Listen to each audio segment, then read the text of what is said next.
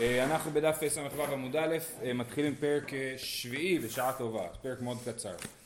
אומרת המשנה, אלמנה לכהן גדול, גרושה וחלוצה לכהן אידיוט, שכבר אנחנו למדנו שזה נישואים שאסורים. הכניסה לו עבדי מילוג ועבדי צאן ברזל. עבדי מילוג לא יאכלו בתרומה, עבדי צאן ברזל יאכלו. ואלו הן עבדי מילוג, אם מתו מתו לה ואם הותירו הותירו לה. אף על פי שהוא חייב במזונותן, הרי אלו לא יאכלו בתרומה. ואלו הן עבדי צאן ברזל, אם מתו מתו לו ואם הותירו הותירו לו, הואיל והוא חייב אחריותיהם, הרי אלו יאכלו בתרומה. בת ישראל שנישאת לכהן והכניסה לו עבדים בין עבדי מילוג בין עבדי צאן ברזל, הרי אלו יאכלו בתרומה. ובת כהן שנישאת לישראל והכניסה לו עבדים בין עבדי מילוג בין עבדי צאן ברזל, הרי אלו לא יאכלו בתרומה. יישר כוח, זאת המשנה, אז זה היה מובן, אפשר להמשיך הלאה, כן? אה, קיצור, זה הולך ככה. יש לנו, בואו נתחיל מהסוף. כשאישה מתחתנת עם כהן, אז היא אוכלת בתרומה. לא רק שהיא אוכלת בתרומה, גם העבדים שלה, שהיא מכניסה לזוגיות, אה, אה, אה, אוכלים בתרומה.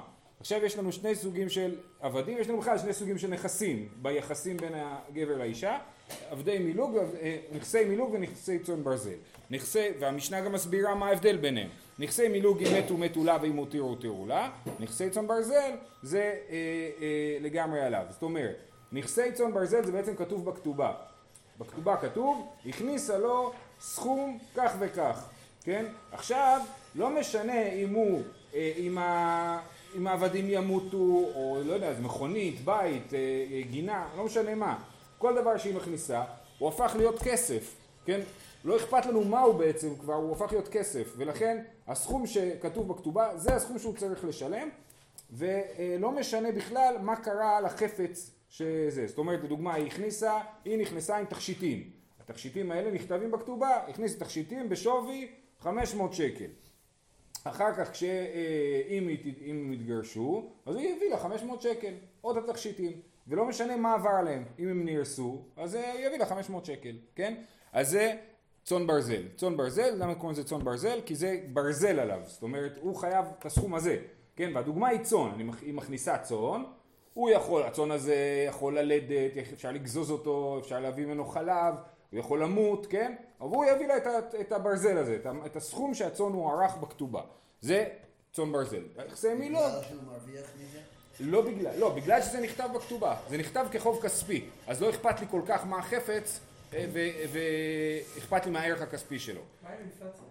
האינפלציה גם לא תשפיע, שאלה מצוינת, מדברים על זה כאילו.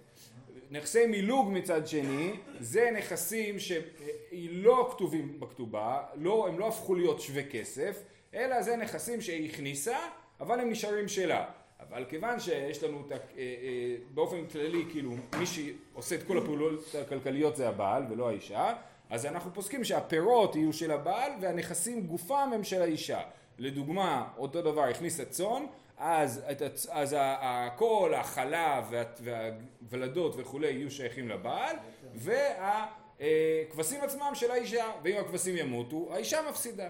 בסדר? זה נכסי מילוג. נכסי מילוג, המילה למלוג אה, היא פעולה שעושים על תרנגולת שמורדים ממנה את הנוצות לפני שאוכלים כן? אז כאילו אז הבעל מולג את, ה... מולג את, הנכ... את הרווחים. התרנגולת נשארת, הרווח... הגוף נשאר של האישה והבעל מולג את כל הרווחים. זה המקור של השם אז, אז עכשיו, אז, אז בת כהן רגילה שהכניסה, בת ישראל רגילה שהתחתנה עם כהן. בת ישראל רגילה שהתחתנה עם כהן. אה, אוקיי, תודה רבה אז היא, אה, עבדים שלה, בין עבדי מילוג בין עבדי צאן ברזל, אוכלים בתרומה.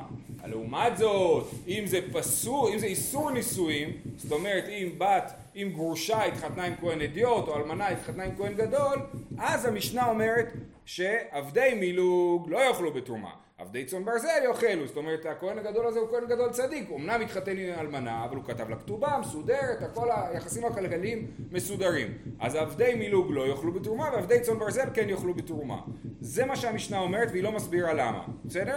אה, וכיוון שהמשנה לא מסבירה גם אנחנו לא נסביר, אני רק אקרא עוד פעם את המשנה מהר. אלמנה לכהן גדול גרושה וחלצה לכהן ידות, הכניסה לו עבדי מילוג ועבדי צאן ברזל. עבדי מילוג לא יאכלו בתרומה, עבדי צאן ברזל יאכלו. ואלו הן עבדי מילוג, אם מתו מתו לה, ואם הותירו הותירו לה. היא מרוויחה מהם, היא מפסידה מהם, הם שלה. אף על פי שהוא חייב במזונותן, הרי אלו לא יאכלו בתרומה, ואלו הן עבדי צאן ברזל, אם מתו מתו לא, אם הותירו הותירו לא, אם הם שווים יותר הוא מרוויח, אם הם שווים פחות הוא מפסיד, הואיל והוא חייב באחריותן, הרי אלו יאכלו בתרומה. אבל זה מקרה בעייתי של אלמנה לכהן גדול, נכון? בת ישראל שנישאת לכהן והכניסה לו עבדים, בין עבדי מילוג בין עבדי צאן ברזל, הרי אלו יאכלו בתרומה, ובת כהן שנישאת לישראל והכניסה לו עבדים, אז היא מפסיקה לאכול בתרומה, בין עבדי מילוג בין עבדי צאן ברזל, הרי אלו לא יאכלו בתרומה. אז הגמרא תסביר מה, מה את ההבדל. מתחילים ככה, ועבדי מילוג לא יאכלו בתרומה עמי, להווה כקניינו שקנה קניין. דתניא, יש לנו כלל שהקניין של הכהן שקנה קניין, גם הקניין של הקניין אוכל בתרומה, אני אסביר. מניין לכהן שנשא אישה וקנה עבדים שיאכלו בתרומה, איך אנחנו יודעים בכלל שכשהכהן מתחתן עם מישהי היא מתחילה לאכול בתרומה, שנאמר, וכהן כי יקנה נפש, קניין כספו הוא יאכל בו. אז ברגע שהכהן קונה, אז גם הקניין שלו אוכל בתרומה. ושנשא אישה או קנה עבדים, אה, כן, מניין לאישה שקנתה עבדים ועבדים אה, ועבדיו שקנו עבדים שיאכלו בתרומה, מה קורה אם האישה בעצמה קנתה עבדים, כן? אז, אז מניין שהם אוכלים בתרומה, או העבדים שקנו עבדים, זה קצת מסובך, הרי לכאורה כל מה שקנה עבד קנה רבו, אז הפרשנים פה מציעים הסברים, רש"י אומר שהעבד קיבל כסף על מנת שאין לרבו רשות בו. יש זאת אפשרות שיהיה לאדם לעבד כסף ששייך לו, שהוא קיבל כסף על מנת שאין לרבו רשות בו, אז העבד הזה קנה עבד, כן? כמו שראינו שלציווה, העבד של מפיבושת היו חמישה עשר 15 ילדים ו-20 עבדים או להפך, כן? אז העבדים שקנו עבדים, אז מניין שהם יאכלו בתרומה שנאמר וכהן כי יקנה נפש קניין כספו הוא יאכל בו קניין כספו זאת אומרת כאילו העבד הוא כספו של הכהן ואז הקניין של הכספו הוא אה, הקניין של הקניין, כן? ולכן העבדים של האישה והעבדים של העבד גם הם כשהיא התחתנה עם כהן אז הם אוכלים בתרומה אה, הוא יאכל בו, קניינו שקנה קניין אוכל, יפה. אז, אז זאת השאלה, השאלה היא, היא למה עבדי מילוג לא יאכלו בתרומה? עבדי מילוג של אלמנה שהתחתנה עם כהן גדול, למה הם לא יאכלו בתרומה? לכאורה זה קניין כספו של כהן, של, כן? אה, אז תשובה, כל האוכל מאכיל, כל שאין אוכל אינו מאכיל. אם האישה אוכלת, היא גם יכולה להאכיל את העבדים שלה, אבל אלמנה לכהן גדול, היא נפסלת מלאכול בתרומה, היא לא אוכלת בתרומה, ולכן גם הקניין שלה לא אוכל בתרומה. מקשה הגמרא על הכלל הזה, כל האוכל מאכיל וכל שאין אוכל אינו מאכיל ולא, והרי ערל וכל הטמאים שאינן אוכלים ומאכילים, כן? יש כהן ערל, הוא לא עשה ברית מילה, אז הוא לא יכול לאכול בתרומה, אבל אם יש לו עבדים הם כן יכולים לאכול בתרומה. אותו דבר עם uh, כל הטמאים, כהן טמא, אני טמא, אני, אני הכהן טמא עכשיו, אסור לי לאכול בתרומה כשאני טמא, אבל עבדים שלי טהורים, הם יכולים לאכול בתרומה. אז הכלל שכל האוכל מאכיל הוא לא נכון. אומרת הגמרא, הטעם פומיו כאיב לו, זה דימוי יפה. הפה שלהם כואב להם, זאת אומרת, הם לא יכולים כרגע לאכול בתרומה, הערל עד שהוא יעשה ברית מילה, והטמא עד שהוא יטהר. אז זה לא שהוא מהותית לא אוכל בתרומה, הוא כן אוכל בתרומה, אבל עכשיו כואב לו הפה, כן? הלך לרופא שיניים.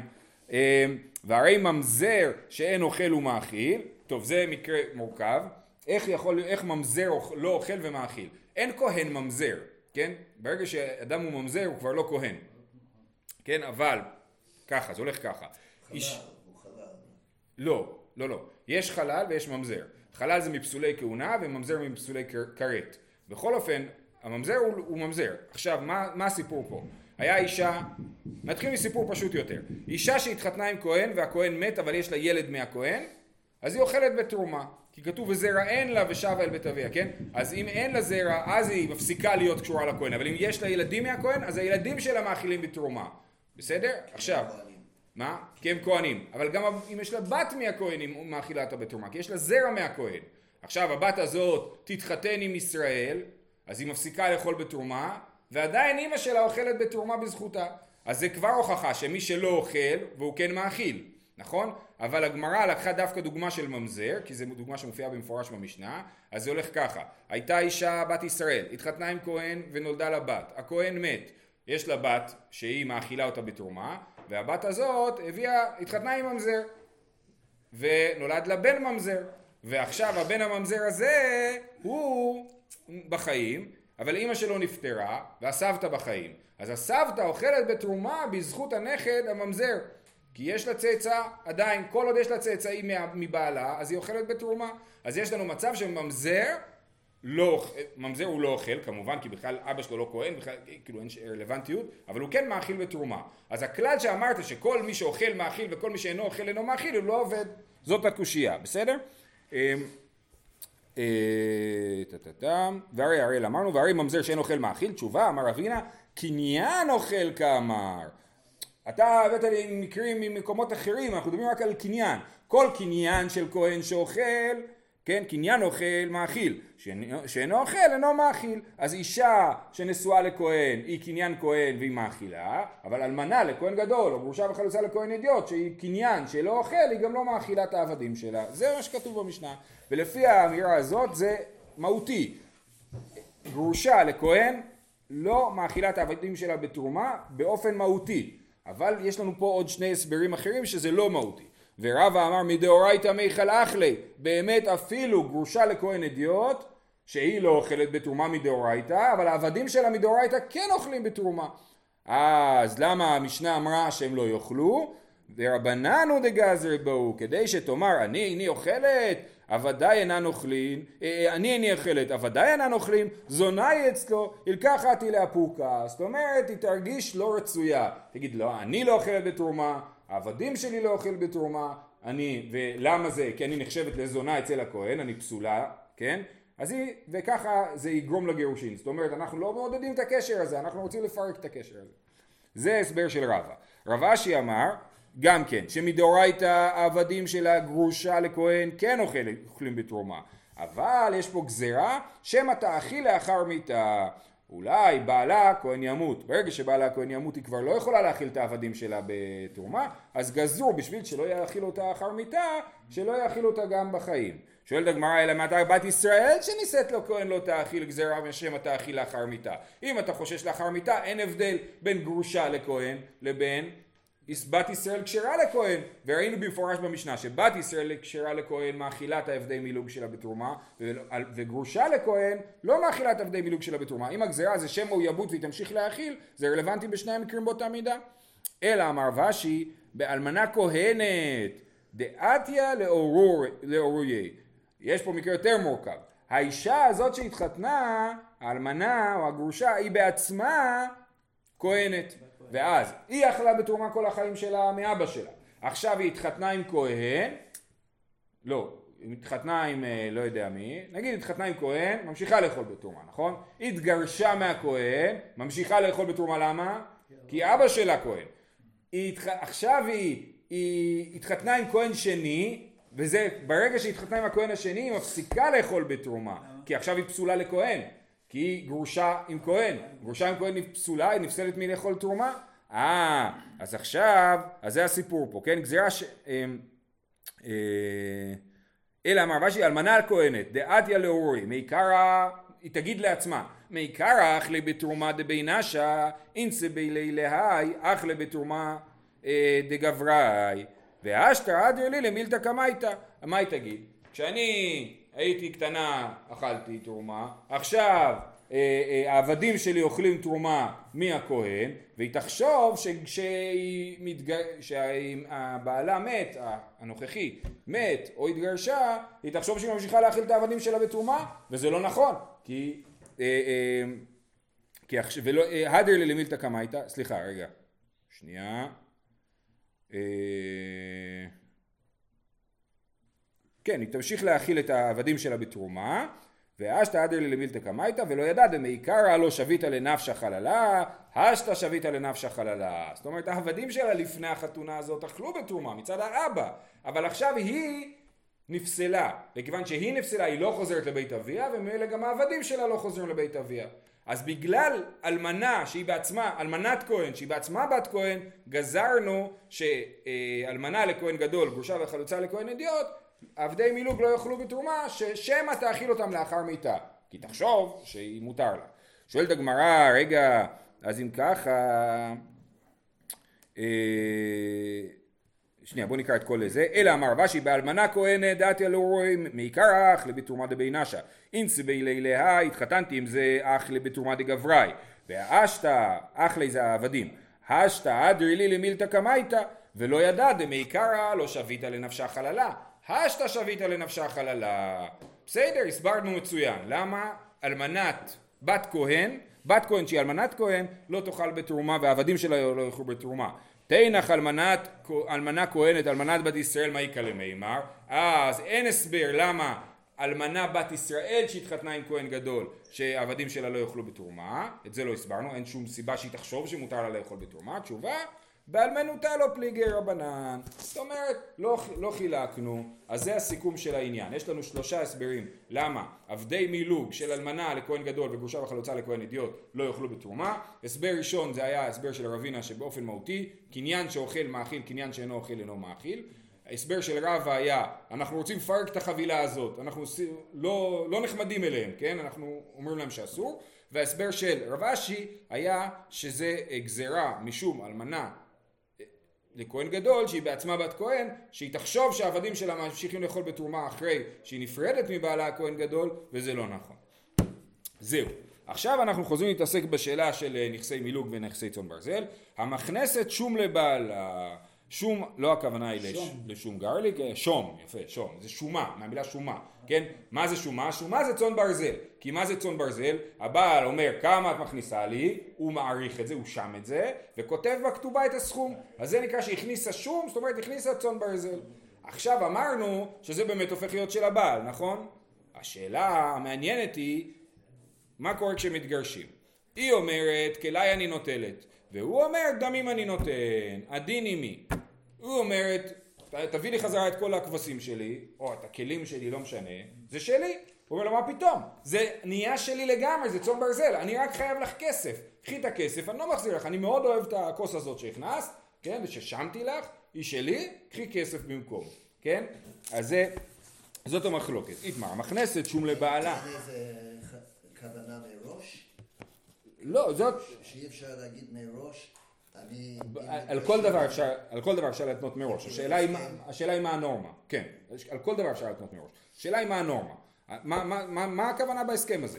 המכנסת שום לבעלה, היא אומרת כלי אני נוטלת, והוא אומר דמין אני נותן, לא מביא לך את הכלים, מביא לך כסף, הדין עימי, רב יהודה אמר הדין עימה, ורבי עמי אמר הדין עמו כן? אז, אז מחלוקת, רבי יהודה אמר הדין עימה, היא צודקת, רבי יהודה אמר הדין עימה, היא צודקת ובאמת יש לה זכות לקחת את הכלים, ורבי עמי אמר הדין עמו, שהיא לא צודקת ואין לה זכות לקחת את הכלים.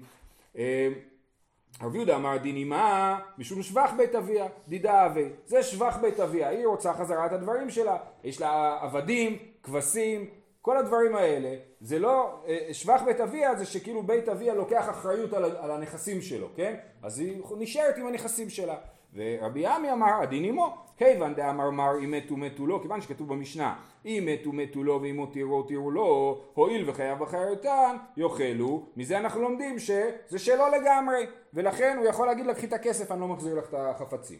אמר רב ספרא, ההוכחה שלך לא נכונה, מקטני והן שלו, הואיל חייב באחריותן קטני, ולעולם לאו דידיינינו, זאת אומרת הוא אומר להפך, תדייק במשנה הפוך, לא כתוב שהן שלו, כתוב שהוא חייב באחריותן, זאת אומרת שזה שלה, אבל האחריות עליו. אז זה, תדייק ההפך. אה, ועולם לאו דידיינינו. עכשיו אומרת הגמרא, אה, וכל איכה דחייב באחריותן אך לבתרומה, אומרים לרב ספרא, הקושייה שלך היא לא קושייה, הרי אם זה רק היה אחריות, אז עבדי צאן ברזל לא היו אוכלים בתרומה. למה? כי אנחנו יודעים שמי שלא אין עליו אחריות, הוא, אה, אה, אם יש עליו רק אחריות, הוא לא אוכל בתרומה. ואתנן, ישראל ששכר פרה מכהן, אז ישראל שוכר פרה מכהן, של מי הפרה? של הכהן, נכון? לישראל יש אחריות על הפרה.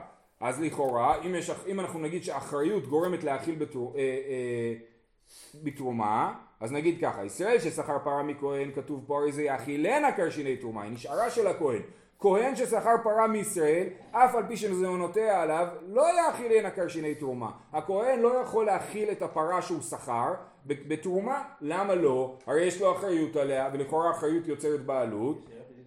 אלא שמזה מוכח שהאחריות לא יוצרת בעלות וממילא יוצא שההוכחה של אה, רבי, רב עמי, רבי עמי נפלה שזה שהכהן הוא אחראי על, ה, על, העבדי, על העבדי צאן ברזל זה לא הופך אותו להיות בעלים שלהם.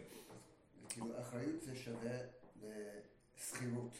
זה, כן, פה, פה זה בדיוק, פה זה שכירות, נכון. אומרת הגמרא לא, זה לא דומה, ותסברה, נעים נעמי, נכון, אמנם שומר שכר, ששכר פרה, סליחה, סוחר, ששכר פרה יש לו אחריות מסוימת, אבל זה לא אחריות מלאה. נעים נעמי דמחייב בגניבה ואבדה, באונסה, בכחשה ובנפחת דמיה ממחייב, הרי האדם שסוחר פרה, אם באמת היה גניבה ואבדה, הסוחר משלם, אבל אם הפרה נאנסה, זאת אומרת נשברה, מתה באונס, אז אני לא, אין לי אחריות. או אם הפרה רזתה, אין לי אחריות, כן? אז, אז אין לי אחריות מלאה, אבל בצאן ברזל יש לי אחריות מלאה, יש לי סכום כסף שכתוב, כן? אז יש לי אחריות מלאה, אז זה לא דומה.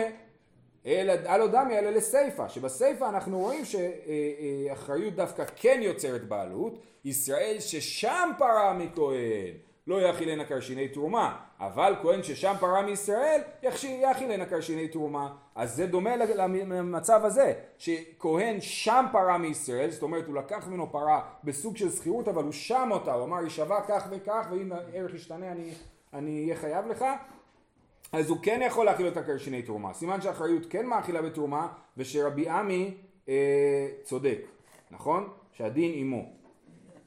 אז יפה. אז אה, אומרת הגמרא, יתיב רבא ורב יוסף בשילי פירקי דרב נחמן ויתבי וכאמרי תניא כבתי דרב יהודה ותניא כבתי דרבי עמי. הם יושבים רבא ורב יוסף אומרים יש ברייתא אחת כמו רבי עמי וברייתא אחת כמו רב יהודה. אה, תניא כבתי דרבי עמי עבדי צאן ברזל יוצאים בשן ועין לאיש אבל לא לאישה.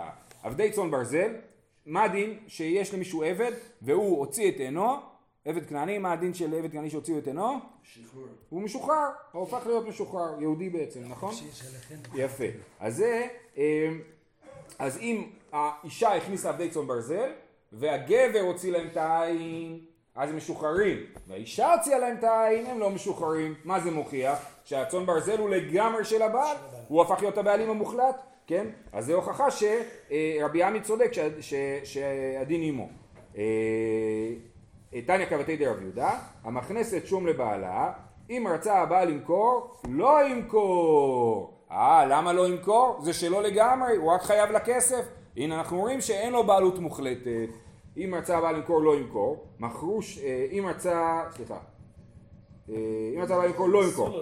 אלא אפילו הכניס לה שום משלו, אם רצה הבעל למכור, לא ימכור. לא, היא לא הביאה את הדברים. הוא הביא את הדברים ואמר זה אני שם לך אותם, כאילו הוא התנדב לשום לעוד, גם זה אסור לו למכור, כי זה לא שלו. אה, אה, ומה קרה? אם אה, מכרו שניהם לפרנסה, היה מצב שבו אחד מהם מכר לפרנסה, אומר רש"י אורחא דמילתא נקת, זאת אומרת לא משנה למה הוא מכר, אבל אסור למכור, מה קרה אם מכרו? זה היה מעשה לפני רבן שמעון גמליאל ואמר הבעל מוציא מיד הלקוחות, זאת אומרת למכירה אין תוקף, שאין עליה הסכמה מוחלטת של שני הצדדים. אמר, אז הנה, אז אנחנו אומרים יש לנו פה ברייתא כרב יהודה, כרב יהודה וברייתא כרבי עמי. אמר רבא אמר רב נחמן הלכה כרב יהודה. אמר לי רבא לרב נחמן והתניא כבתי דרבי עמי. אף על גב דתניא כבתי דרבי עמי, מסתברא תמא דרב יהודה משום שבח בית אביה. אה, אנחנו נעצור פה, כן, אז אה, שההלכה כרב יהודה, משום שבח בית אביה, שזה היה השיקול של רב יהודה, שהוא אמר, השבח שלה זה שהיא לוקחת אחריות על הנכסים שלה, ולכן, השבח של בית אביה, ולכן אנחנו מכריחים את, ה, את הבעל להביא לה את הנכסים עצמם ולא את הכסף. זהו, אנחנו נעצור פה, שיהיה לכולם יום טוב.